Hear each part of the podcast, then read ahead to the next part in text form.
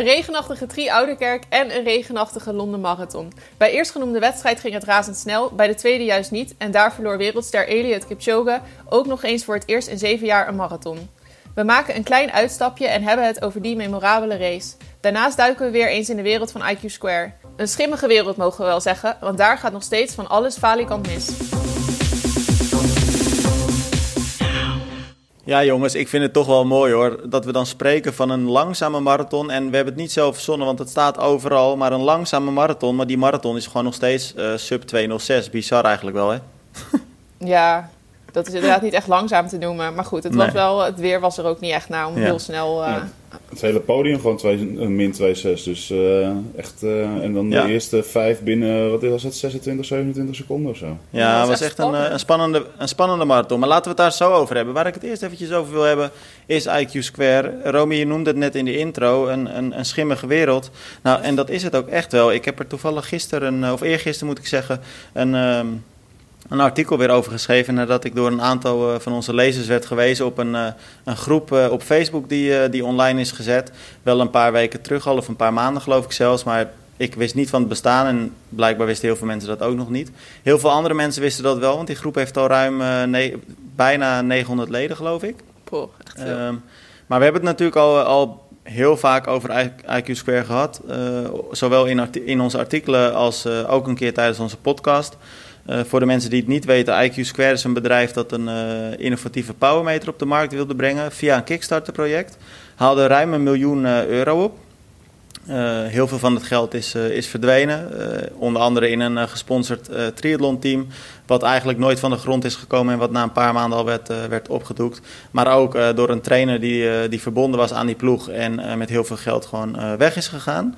Um, nou ja, lang verhaal kort. De powermeter is ook nooit, uh, nooit geleverd. Maar het grootste probleem zit hem voor heel veel klanten, of potentiële klanten eigenlijk. Ze hebben die aankoop gedaan, of althans, ze hebben dat Kickstarter-project gesteund. Uh, nou ja, dat is natuurlijk ook wel een beetje het idee achter een Kickstarter-project. Dat je er geld in steekt en niet weet nou ja, of je iets krijgt en wanneer je het krijgt. Dus dat is nog niet zo heel gek. Maar waar de schoen een beetje wringt, is namelijk. Ja, voornamelijk in de communicatie die uh, IQ Square doet. Uh, ze houden eigenlijk hun kopers aan het lijntje. Ze zeggen constant, we leveren over een paar weken. En als die paar weken dan voorbij zijn, dan wordt er helemaal niks geleverd. En dan blijkt er ook helemaal geen product te zijn. Uh, en dat gaat al nou ja, bijna anderhalf jaar zo door. Nou ja, daarbovenop dus geteld dat er heel veel geld verdwenen is. Ja, zijn mensen daar echt wel een beetje klaar mee? Nou ja, ik zei het net al, Arjan, we hebben het er vaker over gehad. Maar het is echt een heel gek verhaal, hè? Ja, het wordt steeds gekker en gekker. En ik zie nu ook, uh, want ja, toen jij dat artikel schreef, ben ik ook even gaan kijken op die uh, groep. Ik zie nu ook dat heel veel mensen hun uh, geld aan het terugvorderen zijn. Ja. En dat daar ook weer hele rare dingen gebeuren. Dat PayPal in één keer een.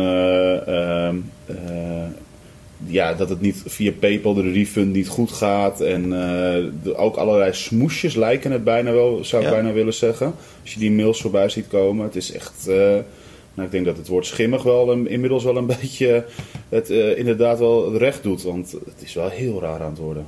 Nou, wat, ik, wat jij zegt dat, want dat is inderdaad heel raar. Wat ik, ook, ik zag dat ook, die reacties over die, uh, die betalingen. Maar wat ik ook eigenlijk nog stuitender vind, is dat ik ook een aantal, het zijn er niet veel, dat moet ik er eerlijk bij zeggen, maar toch een aantal uh, mensen die, uh, die aangaven dat ze, nou ja, dus heel uh, regelmatig contact hebben gezocht met IQ Square over, nou ja, hoe het ervoor staat, of ze hun geld dan terug kunnen krijgen, maar dat ze op een gegeven moment zelfs geblokkeerd zijn, dat hun account geblokkeerd is, dat ze gewoon geen, dus ook hun eigen producten, hun, ja, hun aankoop zeg maar niet meer kunnen vinden, omdat die account gewoon helemaal weg is. Ja. Zo kan dat is toch krankzinnig, Romy? Ja, echt gestoord. Maar mensen zijn ook boos omdat het, het ding wat het ooit zou worden, dus dat het een uh, powermeter werd die, in je, die niet in je pedaal uh, zou komen te zitten, maar juist mhm. in de crank. Dat is natuurlijk ook al, dat hele idee bestaat al niet meer. Want nu wordt het gewoon eigenlijk één, net zoals dat er al zoveel zijn, zo'n powermeter in je, gewoon in je pedaal. Volgens mij zijn mensen daar ook niet over te spreken, toch? Nee, maar dan moet ik wel, dat zei ik natuurlijk net ook al, dat is wel natuurlijk een beetje het gevaar van een Kickstarter-project. Ja. Je, je, je weet dat het een ontwikkelproduct is. Je weet dus ook dat er eigenlijk ja, wordt geprobeerd om iets stofs neer te zetten. Ja, met Kickstarter is het nou eenmaal zo dat je niet altijd weet of het lukt. En het, het is ook niet heel, heel uitzonderlijk dat het uiteindelijk het product dus verandert. Dus in dat opzicht zie ik het probleem zelf niet heel erg. Ik weet niet nou ja, wat jij het product is wel echt heel erg veranderd. Hè? Want ik bedoel, ik kan me voorstellen dat mensen echt dat product dan toch wel... Maar goed, het is wat je zegt, het is een Kickstarter. Dus het, dat, ja, dat maar uiteindelijk volgens mij zit het nog... Volgens mij zit het zo, is sowieso het probleem gewoon niet in dat... Uh, het stuk dat het anders wordt, maar de hele communicatie eromtrent. Ja, dat, ja, dat het hele probleem. probleem zit hem in van we leveren, nou volgens mij hebben we voor het eerst in 2018 zouden ze al leveren. Toen hebben we, toen we vorig jaar net begonnen met de podcast, dat was uh, omstreeks deze tijd, uh, in 2019, hebben we er ook een keer aandacht aan gewijd. Toen zeiden ze dat ze met kerst echt alles uh, zouden hebben uitgeleverd. Dat, dat is letterlijk op hun Facebook staan. En nu is het oktober 2020, dan zitten we alweer bijna in kerst 2020 en is er nou nog nauwelijks wat uitgeleverd. Ja, plus er wordt ook gewoon helemaal niks meer gecommuniceerd. Precies. Dus dat is maar zou dit kruisvogelpolitiek zijn? Dat ze gewoon echt niet meer weten wat ze er weer aan moeten... en dat ze een kop met zand steken en denken van... Ja, ja... Maar dan kunnen ze beter zeggen als Kickstart-project... ons project is gewoon mislukt als op Kickstarter. We hebben het niet voor elkaar gekregen... ondanks alle uh, financiën, uh, financiële steun van alle Kickstarters... Ehm, we, dit is nog wat er over is en dat verdelen we onder de Kickstarters. Meer kunnen we niet doen. Alles is uit en openheid maar, van zaken maar, Arjan, dat, maar met alle respect, maar dat is ook echt totaal niet meer de oplossing. Want normaal is dat inderdaad, zou dat de beste oplossing zijn. Maar in dit geval denk ik niet dat je de mensen nog tevreden gaat stellen. Want kijk, als er nou bijvoorbeeld een ton opgehaald zou zijn, of zeg 200.000, ook al heel veel geld... Maar er is gewoon een miljoen opgehaald. Een miljoen. Het, Er is gewoon totaal geen normale, plausibele reden voor dat dat product er nu niet is. Nee, dat ook niet. En, en, en dan gaan ze ook weer voorbij. Dat uiteindelijk, nu ik jou dat hoor, hoor zeggen, denk ik ook verder. Klopt ook, je hebt er helemaal gelijk in. Want dan gaan ze ook nog voorbij. Nu.nl heeft daar ooit een filmpje aan besteed. Die hebben we ook op Triathlon uh, gedeeld. Uh, dat ze zelf ook nog een miljoen hebben in, geïnvesteerd. Dus dat wil zeggen dat het hele geld van de, eh, de mensen die het uh, gebackt hebben, ehm, gewoon weg is. Zonder dat er, ook maar iets is gekomen. Maar erken dan je fout. Want dan kun je inderdaad, als je dan nu al niks meer aan kan doen. Uh, het is ook een beetje lullig om met iemand in zijn schoenen te schuiven die er blijkbaar met al het geld vandoor is gegaan. Maar er zijn wel wat dingen echt totaal misgegaan. En er zijn misschien ook een paar mensen. Ik heb echt geen idee wie hier verder precies allemaal achter zitten. Maar het kan zijn dat er ook een paar mensen helemaal niks aan kunnen doen. En ja, dat ze nu gewoon. Ja, maar Romy, kijk, dat is het. Weet je, de, want ik ben het helemaal met je eens wat je zegt, maar ook dat gaat gewoon. Het, weet je, dit zaakje, ja, met alle respect, maar het stinkt aan alle kanten. Want mhm. Ook het geld wat. En dat, we kunnen het best bij naam noemen. Ik bedoel, het heeft ook op de website gestaan en het heeft ook op heel veel andere websites gestaan. Want dat gaat om Desmond Veld. Die was toen de tijd trainer bij IQ Square. Die is er met echt een. Ja, dat was inderdaad teammanager. Nou, die is er met een bijzonder hoog bedrag. En dan heb je het echt niet over. Je hebt het niet over 50.000 euro. Je hebt het echt over, nou, keer vier ongeveer. Hmm. Dat bedrag, daar is hij mee, eh, mee weggegaan. En, niemand die, en dat was dus ook totaal niet de bedoeling. Maar dus, zelfs dan zit je dus nog lang niet op dat miljoen. Dus wat is er dan in godsnaam met de rest van dat geld gebeurd? Nou, Waar is zijn er nog een paar mensen mee vandoor gegaan.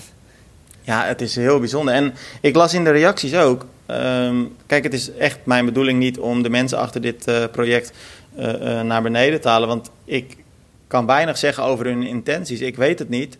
Ik kan wel zeggen dat ik niet vind dat het. Uh, nou, het verdient sowieso niet de schoonheidsprijs. Maar ik, ik vind ook niet dat het uh, erop lijkt dat, dat alles eerlijk gaat. Vanaf uh, waar ik het kan zien. Maar wat ik wel weet is, ik, ik, lees wat reacties ook. En dan zie ik ook mensen die aangeven dat die, die mensen die dus achter dit project zitten. ook allerlei andere bedrijfjes nu aan het oprichten zijn.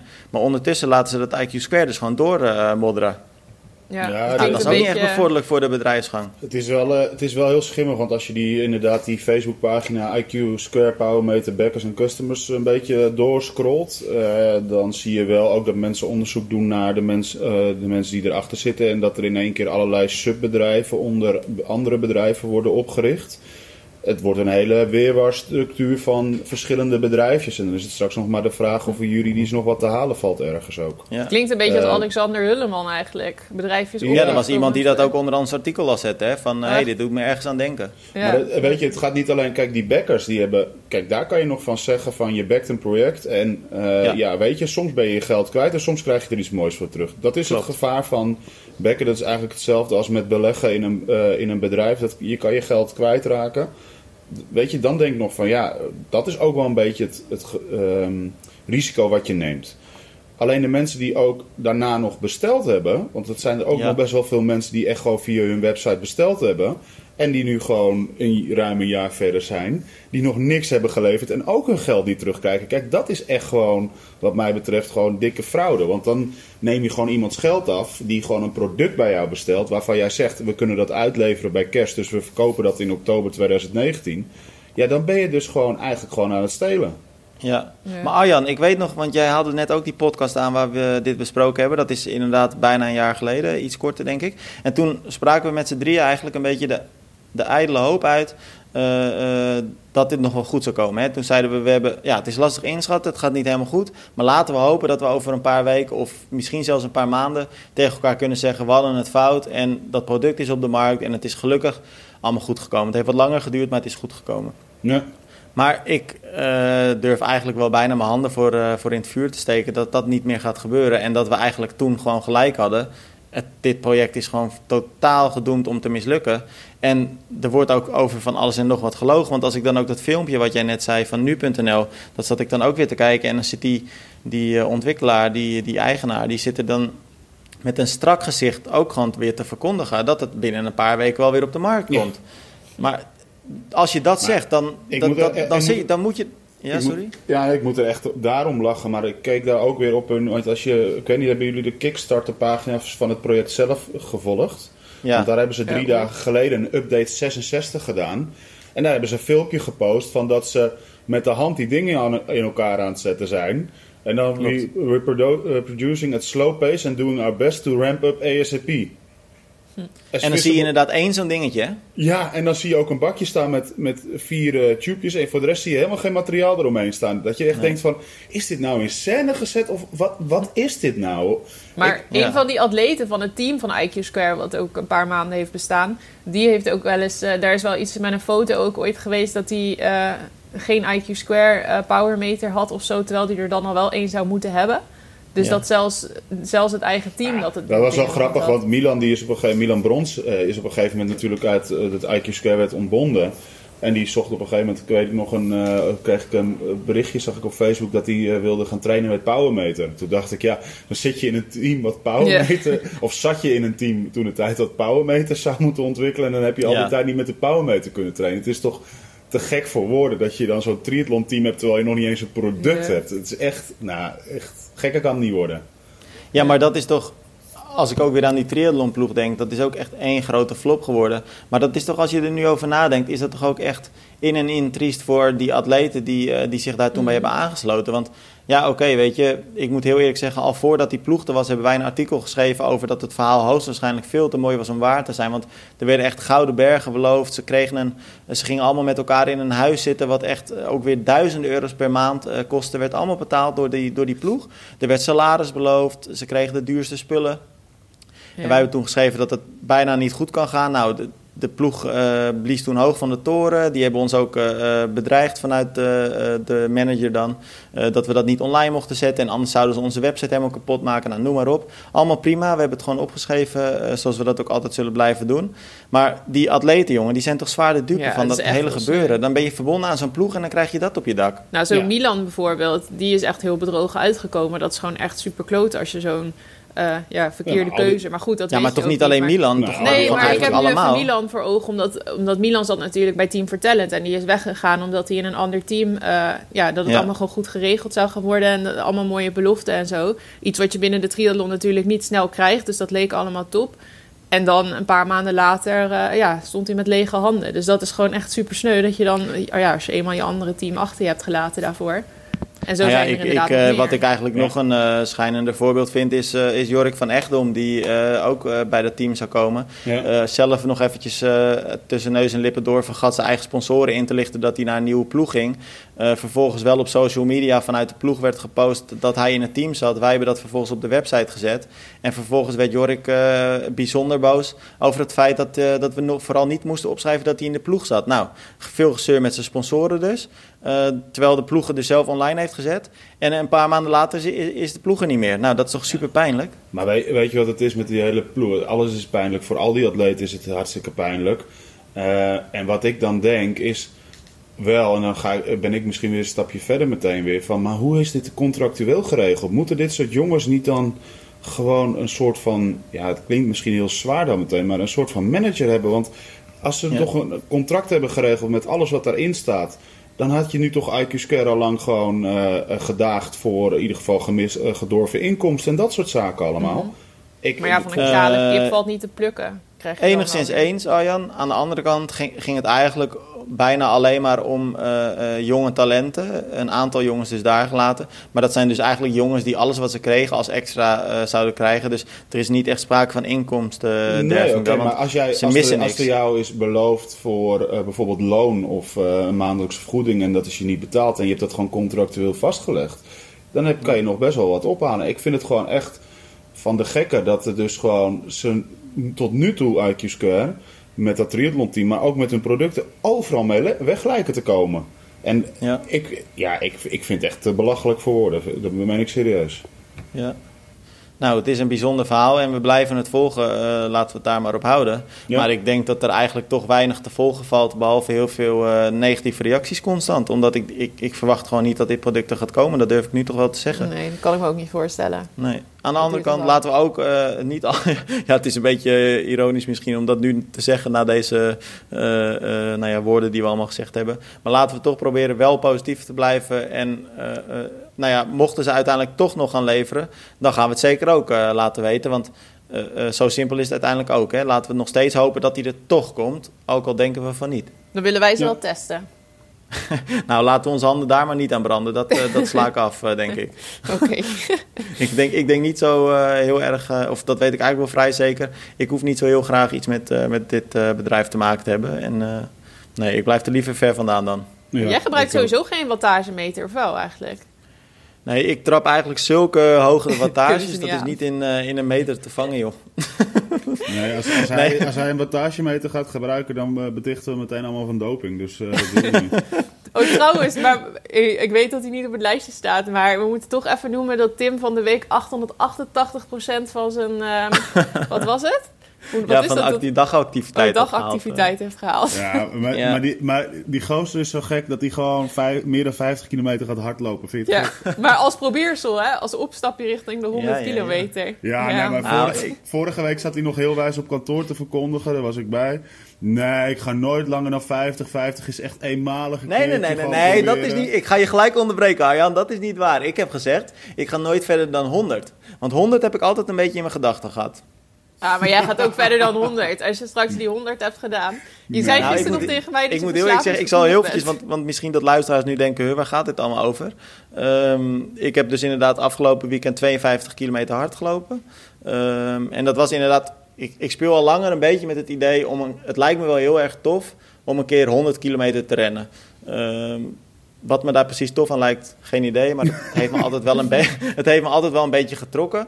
En dan moet ik heel eerlijk zeggen, uh, Romy, jij schreef laatst het artikel over Irene Kinnegim... die natuurlijk mm. dat 24 uur record echt verpulverd had. Mm. Nou, laat ik er gelijk bij zeggen, dat ga ik echt niet, uh, niet doen. En dan bedoel ik niet het record verbeteren, want dat lukt me sowieso niet. Maar die 24 uur rennen, dat ga ik ook echt niet doen. Ik ga ook echt niet 200 kilometer rennen. Maar toen dacht ik, nou, dit is eigenlijk wel... Het was wel een beetje een trigger om een keer een, een, eerste stap te doen. Maar toch ben ik heel benieuwd of we ooit dit stukje uit de podcast gaan knippen om nog eens een keer bij je terug te komen van weet je nog, dit zei jij ooit. Ja. maar, nou ja, dan, dan, denk ik dat jij ook binnen nu in een paar jaar dus gewoon bijvoorbeeld zo'n marathon des Sable loopt uh, van te, ruim 250 nee, dat, dat, spreekt me dan weer niet zo aan, omdat het allemaal los zand is. Oh, dat lijkt me juist heel bijzonder. los zand is. ja joh, dat is zwaar hoor. Ik heb maar het is niet alleen maar zand hoor. Als het asfalt was geweest, had hij het wel gedaan. nou ja, ik zie mezelf nou niet per se 250 kilometer onder de brandende Sahara-zon uh, rennen. Nee, je houdt niet van ehm, hitte, dus dat is wel een probleem. Nee, precies, dat, dat is niet echt mijn ding. Maar goed, die 52 kilometer vielen me alleszins mee. Ik liep geloof ik 4 uur 45 zonder op de tijd te letten. Uh, elke vijf kilometer harder gelopen. Dus nou, het ging eigenlijk goed. Ik was ook niet oververmoeid toen ik terugkwam. De dag daarna weinig spierpijn. Net alweer op de fiets gezeten rustig. Dus dat ging eigenlijk goed. En wat ik dus gedaan heb uh, uh, gisteren... is gelijk Irene even een appje gestuurd. En haar verteld dat ik dit gedaan had. En toen heb ik gezegd van... joh Irene, ik speel dus met het idee om die 100 kilometer te gaan rennen. Heb je, heb je tips voor me? Of heb je dingen die ik vooral niet moet doen? Nou, Irene vond het heel erg leuk. Ze waarschuwde me gelijk van pas op. Want als je eenmaal over die marathonafstand bent, dan wordt het verslavend. Dus ik, dus ik zei al tegen haar, nou, dan moet ik inderdaad gaan oppassen. Maar goed, ze zegt, ik ga eventjes rustig nadenken en ik kom binnenkort even bij je terug met tips. Dus ik ben benieuwd. En ik, ik speel wel met het idee om nog dit jaar dan die 100 kilometer te rennen en hem af te vinken. En dan, maar dan is het wel klaar hoor. Ik ga echt niet verder. Mm Nee? Zeker Ja, ja. ja, maar, dat, maar waarom geloven jullie dat niet? Omdat je ook 24 uur ging fietsen en dat het iets totaal achterlijks was. En nu kom je weer met dit. Terwijl met 24 uur fietsen zat je ook helemaal er doorheen. Ja, dus, maar deze 50 kilometer was echt goed te doen. En dat is heel, vond ik heel veel minder zwaar dan die 24 uur fietsen. En wat ook logisch is, want het is natuurlijk maar nog Stel dat die 100 kilometer je meevallen, dan ga je weer denken van... oh, maar misschien kan die 100 nog sneller. Of oh, misschien kan ik dan dus nog wel verder, want zo moeilijk was het niet. Ja, maar dat, ik denk ten eerste niet dat die 100 kilometer meevalt. Ik denk dat dat echt heel erg gaat tegenvallen. En ten tweede denk ik ook... Uh, dat ik me er wel heel goed van bewust ben dat dit niet echt gezond om in ieder geval 100 kilometer te rennen of verder. Ik denk niet dat dat gezond is. Dus ik denk dat ik daarin wel een, uh, een grens dan heb of zo. Hmm. Oké. We zullen het zien. Ja. We zullen Anders het, moet je uh, even met Rick van Tricht gaan praten. Dan kan die misschien wat sens in nou, laat ik, ik, hoop niet dat Rick meeluistert met de podcast, want dan krijg ik de wind van voren, denk ik. nou ja, maar uiteindelijk moeten we doen wat we leuk vinden, toch? Zeker. Ja, als je het leuk vindt. Hey, over, uh, over leuke... ja, goede toevoeging, Romy. maar laten we het over andere leuke dingen hebben. Uh, want uh, er werd ook weer een, een raceje gedaan. En, en, jij was er natuurlijk weer dichtbij, Arjan, als eventmanager. Want Tri Ouderkerk stond op, de, op, de, op het programma afgelopen weekend. Een week na Tri Bosbaan. Dus twee keer een tryhard wedstrijd achter elkaar. Ja. Um, maar dit weekend was wel eventjes afzien, uh, geloof ik, Arjan. Want jij hebt er twee dagen rondgelopen.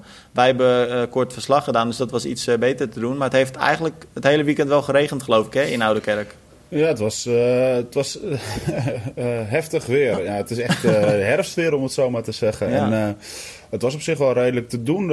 zaterdag was in de middag vooral begonnen te regenen. En ook toen begon de wind aan te trekken. Dus toen werd het wel koud. En zaterdagmiddag was ook de teamrelay omdat alle teamcompetities waren, uh, wedstrijden eigenlijk eruit waren gehaald al vrij vroeg in het seizoen.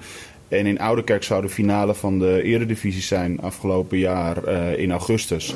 Hadden wij toen we gingen verplaatsen naar oktober meteen zoiets van... nou, laten we toch een teamrelay erin houden. En dat, uh, ja, uiteindelijk hadden we ook meer dan 50 teams aan de start staan bij de mannen en vrouwen. Dus dat was echt Maar sterke wel, teams ook? Ja, uiteindelijk hele sterke teams ook. Uh, nou ja, weet je, we hebben al een aantal keren, denk de, de vrouw van het jaar, Maya Kingma, die naar Oude Kerk uh, uh, was gekomen met haar team Veramosa.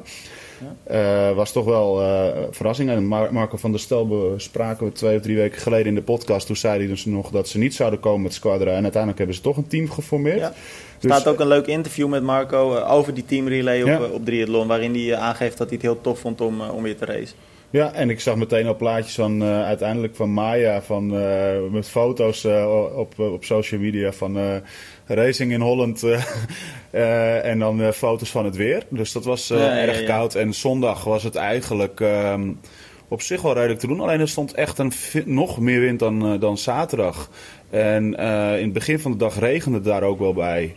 Dus was het echt, echt wel fris. En zaterdag was de watertemperatuur nog 15,7 uit mijn hoofd.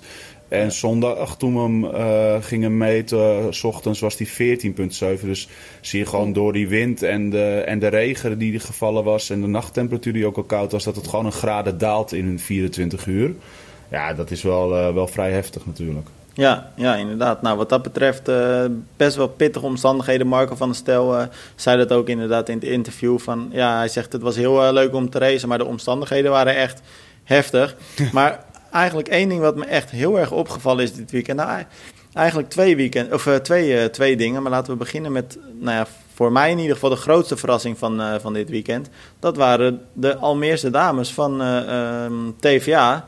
Die gewoon eventjes die relay op hun naam schreven. En daarbij dus, de, nou ja, ik kan toch wel zeggen, torenhoge favorieten. met daarbij dus ook Maya Kingma, uh, Mosa versloegen. Ja, was, ik had dat niet verwacht. was voor mij wel de verrassing van het weekend. Ja, toch? Ja. Ja, het waren zulke de woorden. onverslaanbaar. Ja, nou inderdaad. Maar nu uh, dus niet. Want het waren Silke de Wolde, Robin Dreiling, Romy Spoelder en uh, Luna de Bruin. Nou, en het lijkt een, uh, een gouden kwartet. Want, nou ja, we zeiden dus al, ze, wonnen de wedstrijd. Maar dat deden ze ook wel echt heel netjes. Ook in de laatste run bleven ze gewoon nog, onder andere voor Maya Kingma, die echt op stoom was. Want ze was echt hard aan het rennen. Maar het ja, het waren toch die Almeerse dames uh, die, uh, die dus verrasten. En als je dan kijkt ook, als je dan ook kijkt gewoon naar, zeg maar, uh, Luna de Bruin, die is laatste starter voor TV Almere. Dus die eigenlijk de ontketende Maya, uh, de vrouw in vorm waar we al weken heel uh, lovend over zijn en nog steeds hoor. Begrijp me niet verkeerd. achter haar met, dan met een voorsprong van ongeveer een half minuutje van de fiets afkomt. En dan uiteindelijk 28 seconden maar, maar verliest. Het is wel anderhalf kilometer, maar het is een jongster, hè, Luna de Bruin, op Maya. Ja. En dan zes seconden overhoudt op de finish. Ja, dat is toch wel geweldig om te zien uiteindelijk. Ja, absoluut. Maya was nog eventjes gevallen, hoorde ik, hè, bij de wit toen ze terugkwam met de fiets. Ja, ik ja, heel uh, niet hard gelukkig. Ik begreep ook dat ze na de finish... Uh, ik heb haar zelf niet gesproken na de finish... maar uh, ze schijnt toch gezegd te hebben... van ja, ook als ik niet had... pardon, ook als ik niet had gevallen... dan had ik ook niet meer gewonnen, hoor. Dus, maar ze, ja, ze ging eventjes kort onderuit. Misschien was ze helemaal gewend aan de tijdritfiets... van Maastricht nog. ja, ja, ja. nou ja, ik weet niet hoe, hoe de wisselzone was. Misschien ook wel glad gras, of? Ja, je stapte net af op het stukje, net stukje asfalt... en dan meteen het gras op. Dus ik kan me voorstellen dat met die regen... dat het daar sommige wel, en zeker omdat de hele dag al mensen over dat stuk gras natuurlijk gelopen hadden om af te stappen, dat dat wel heel erg glibberig is geworden. Uh, het gras was inderdaad wel vrij nat, dus dat zou zomaar kunnen dat het daar is gebeurd. Ik heb dat ook niet gezien. Ik weet ook niet wat daar precies gebeurd is, maar het was wel een verrassing hoor, dat uh, Almere voor Veremosa en Kiani won. Ik vond dat echt wel... Uh, maar er zit er wel talent in Almere ook hoor, bij die jeugd en junioren en zo, als ik dat allemaal zo'n beetje volg.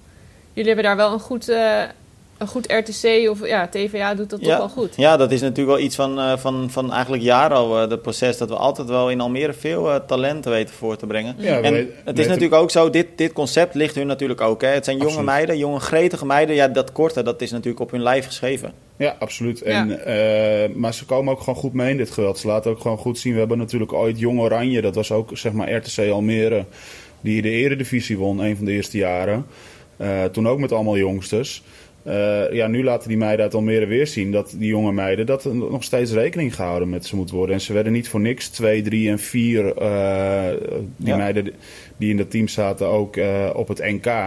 Dus ja, het is gewoon een, een, sterke lichting die eraan zit te komen. En hopen dat er een paar van die meiden nog, nog wat stappen kunnen gaan maken om naar het niveau bijvoorbeeld van een Maya toe te groeien. Ja, nou, dat gaan we zeker ook in de gaten houden. Wie we ook natuurlijk weer in de gaten houden uh, uh, dit jaar is... Nou ja, dit jaar, ja, dat, dat slaat helemaal nergens op, want het jaar is eigenlijk al voorbij.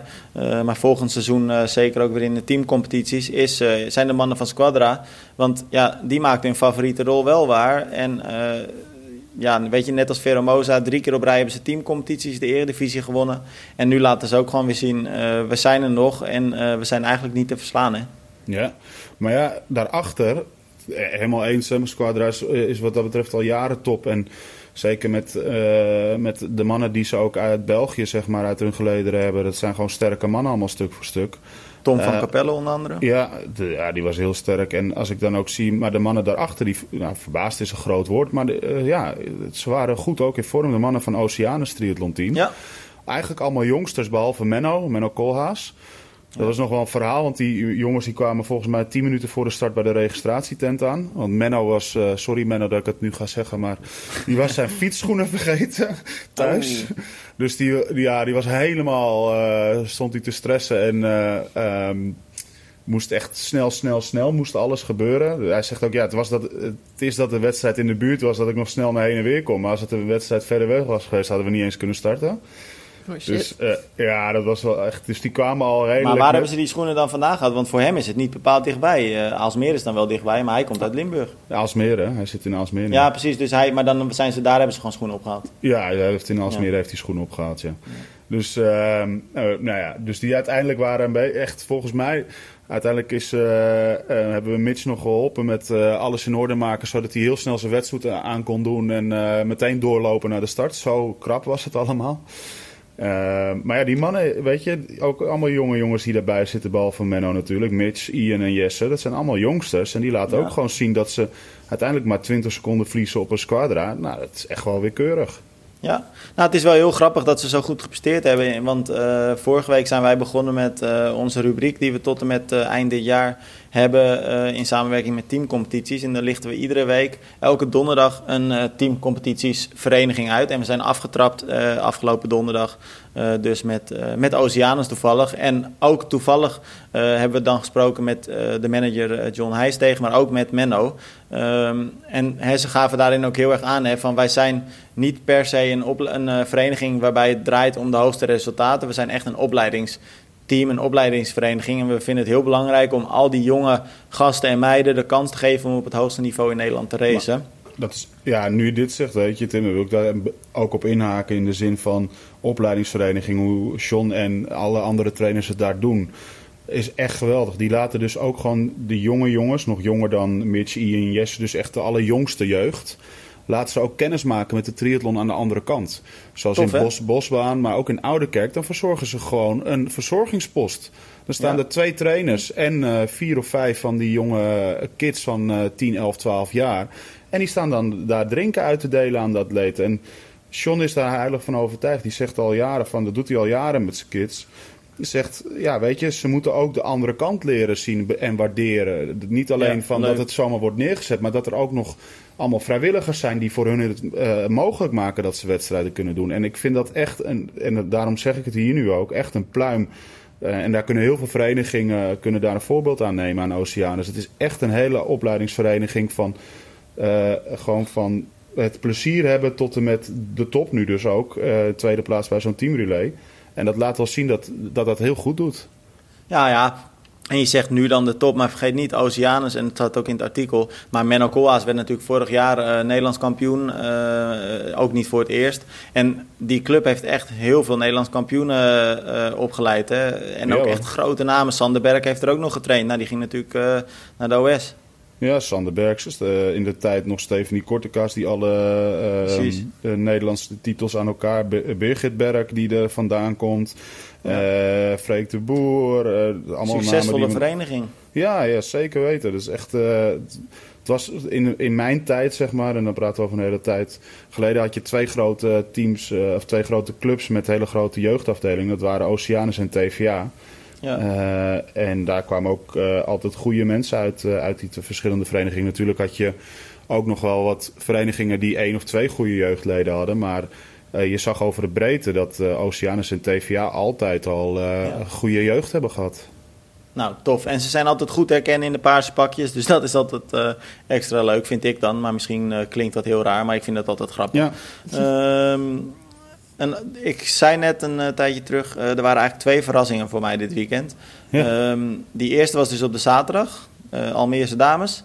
Maar de tweede was op zondag en dat um, heb jij geschreven, Romy. Ik heb die wedstrijd niet gezien, maar ik las het terug. En dat is de Belg Alexis Krug, of Krug, ik weet niet, Krug denk ik. Dat weet ik ook niet. maar die gewoon eventjes de OD won. Nou, is dat niet iets wat me per se heel erg verbaast. Maar dat, oké, het parcours is een beetje te kort geweest. Maar 1 uur 45. Mm. En uh, echt, hij overklast iedereen, hè? Ja, hij was echt sterk. En we hadden het vorige weekend natuurlijk over Dijkshoorn. Wouter Dijkshoorn, die uh, super sterk race op het moment. En, uh, maar dit was nog wel, dit was weer een, een ijzersterke Belg die toch wel even liet zien dat ze daar in België ook iets goed doen. Naast de RTC's in Almere en Amsterdam en zo. Want ja. België heeft toch ook wel een paar echt super goede atleten. Dus, ja. Nee, ja, ja want bij de dames werd werd ook gewonnen door een Belg. Ja, en bij ja. de heren, de sprint uh, op zaterdag werd ook door een Belg uh, gewonnen. Ja. Dus uh, er waren best wel wat Belgen aan de start ook in Oude Ja, dat is sowieso wel tof. Maar het is inderdaad ook wel opvallend om te zien dat de...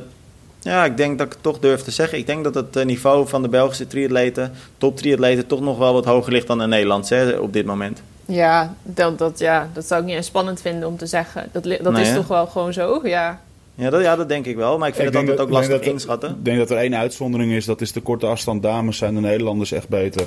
Uh, ja. En uh, voor de rest de lang, korte afstand uh, heren zijn de, de, Belgen wat mij betreft veel beter. En lange afstand heren sowieso. Lange afstand ja. vrouwen hebben ze momenteel ook wel al een aantal jaren lastig om daar toch wel... Ja, iemand te hebben die constant in de top meedraait. Maar we zouden toch één land moeten worden dan eigenlijk. kunnen we samen naar de Spelen met uh, de sterkste mannen van België en de sterkste vrouwen van Nederland. Nou, ik denk serieus, als jij uh, Marten van Riel, uh, Maya Kingma, Rachel Klamer en nu vergeet ik, nou, heel erg de tweede Belgische heer die het zo goed doet. Nou, uh, Jelle Geens. Jelle Geens, juist. Als je die vier in het team zet, ik denk dat het bijna een on onverslaanbare uh, teamrelay wordt hoor. Nou, zou jij liever, ja, ik uh, wilde niet beledigen, maar gezien, eventjes ook gezien de huidige vorm, betwijfel ik of ik dan zou gaan voor Klamer hoor. Zou je dan niet toch een, een van de Belgische dames kiezen? Ja, maar ik denk dat Klamer... Nee, nee, ik niet. Ik denk dat Klamer gewoon het niveau nog steeds uh, hoger is. Ondanks dat ze niet helemaal in vorm is dan de Belgische dames. Momenteel. We gaan het zaterdag zien. Ik weet niet of de Belgische dames aan de start staan. Maar zaterdag gaat Klamer in ieder geval als enige Nederlandse dame. Uh, en Donald Hillebrecht trouwens als enige Nederlandse heer. Uh, van start bij een World Cup. Dus nou, zaterdag uitgebreid verslag ook van die wedstrijden. Zowel mannen als vrouwenrace. Dus dan gaan we eens kijken hoe, hoe Rachel Klamer er voor. Ik zeg trouwens altijd Rachel, maar volgens mij is het Rachel. Ja, ik zeg altijd Rachel. Ja, nou, ik ga voortaan Rachel zeggen. Uh, Als maar, Arjan dan uh, Rachel zegt, dan hebben ze allemaal. nou, we kunnen ook gewoon Klamer zeggen. Dat is misschien nog makkelijker. ja.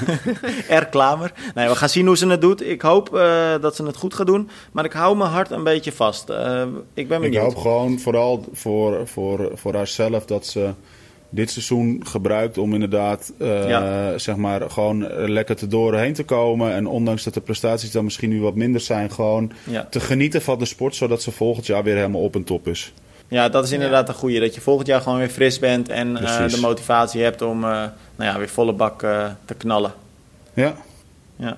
Nou, iemand die ook wel een beetje motivatie kan gebruiken, denk ik is, uh, ja, het is, bijna, uh, het is bijna krankzinnig om te zeggen, maar is marathonloper Elliot Kipchoge. Want uh, er is een beetje een einde gekomen aan een, ja, aan een era, wil ik bijna zeggen. Aan zeven een, jaar, toch? Ja, nou, zeven jaar, maar dat, dat noemden we dan net in de intro. Maar hij heeft dus, ik had het eventjes opgezocht, nou, ik weet het nu alleen niet meer uit mijn hoofd, maar in ieder geval 13 of 14 marathons gedaan. En heeft hij ze allemaal gewonnen op eentje na, toen werd hij tweede. Ja, en nu werd hij dan dus uh, eigenlijk voor het eerst bijna in de historie uh, geen uh, eerste. Sterker nog, hij kwam niet eens op het podium. Hij, ik weet niet, vijf of achtste of zo. Achtste ja. werd hij. Mag die man ook een off-day hebben? Wat zei je, Romy? Mag die man ook een off-day hebben? Absoluut, absoluut. het is ook geen verwijt, helemaal niet. En uh, ik, ik uh, ben de eerste die mijn petje voor hem afneemt. Maar het is toch wel heel verwonderlijk dat hij er ineens zo afgelopen wordt, toch? Ja, ja. nee, ja, dat verbaast me ook wel zo afgelopen. Het is uiteindelijk een minuutje achter de winnaar. Het valt Tuurlijk, ja, nou ja, maar dat is best veel, Arjan. Als je bedenkt dat hij er op vijf of zes kilometer voor de finish al afgelopen wordt. Ja, ja, dat is, Weet je, tuurlijk, normaal is het niet veel. En nogmaals, echt alle respect hoor. Want ik vind het echt de grootste marathonloper die er is. En uh, die er ooit geweest is, denk ik ook wel. Ja. Um, maar dit verwacht je gewoon niet. Dus dan, nee. daardoor lijkt het misschien ook wat erger of zo, hè? Ja, dat is het denk ik vooral. Ik denk, eh, precies wat Romy zegt, mag hij ook een keer een off-day hebben. Waarschijnlijk gewoon een off-day erbij. Uh, en ook voor hun is het ook gewoon een apart natuurlijk seizoen. Uh, het zijn eigenlijk het een weer zat ook niet mee, wat het ook wel erg lastig maakte. Ja, ja. precies. Dus er zaten, waren allerlei dingen. En uh, ja, nou, ik zou, ik zou echt willen dat ik ooit 2.649 in een off-day zou lopen. Dat, is ja, echt... dat sowieso. ja, dat sowieso. Maar ik vond hem vanaf de start vond ik hem al een beetje stijf ogen of zo. Ik ja, jij zei dat al gelijk, hè? Ja, zijn heel arm of zo, hoe die ja, zo een beetje verkrampt of zo. En toen zei ik ja, heel grappig, want ik vond hem juist heel redelijk, uh, ja, toch wel ontspannen ogen en ook wel lekker uh, eruit zien tijdens het lopen. Nee, ja, normaal vind ik hem er juist altijd, dat vind ik altijd zo typisch hem, dat hij er zo, ja, heel ontspannen uitziet. En dat vond ik nu dus juist niet. Maar goed, nou, ik zei dat zo gezien. bij de start en toen zei Evert van ja, lekker makkelijk om dat nu zo te zeggen, weet je wel. als het dan goed gaat, dan hoor ik je niet meer. En als het dan slecht gaat, dan zeg je van ja, ik had het al gezegd bij de start. Ja, nou ja, maar je zegt het niet voor niks. Ik, blijf nee, ik vond het toch wel. Ik vond dat het, dat, dat het er wat anders uitzag dan anders of zo. Misschien ja, had hij ook last ja. van de kou. Of, uh, maar, ja, ik weet, weet niet. je wat mij wel heel veel opviel? Ik heb de wedstrijd niet kunnen zien omdat ik uh, in Ouderkerk was. Maar ik heb ja, ik heb hem teruggekeken. Ik heb de tijden gekeken. Ik heb uh, een hele korte samenvatting gekeken. Maar als ik dan de tussenpunten kijk, dan zie ik dat hij bij de, vanaf de 10 kilometer eigenlijk altijd als tweede of derde en op de 10 zelfs als eerste doorkomt. Het, het lijkt alsof hij constant voor in de groep heeft gelopen. Nou, Echt. het was heel raar, want ik, heb, ik, was zondag, ik had zondag die 50 kilometer gelopen. En toen ben ik daarna lekker op de bank gaan liggen uh, en heb ik de marathon even in zijn geel teruggekeken. Maar wat jij zegt, klopt. Maar het, het rare was, er waren, nee, ze begonnen dat groepje met drie hazen.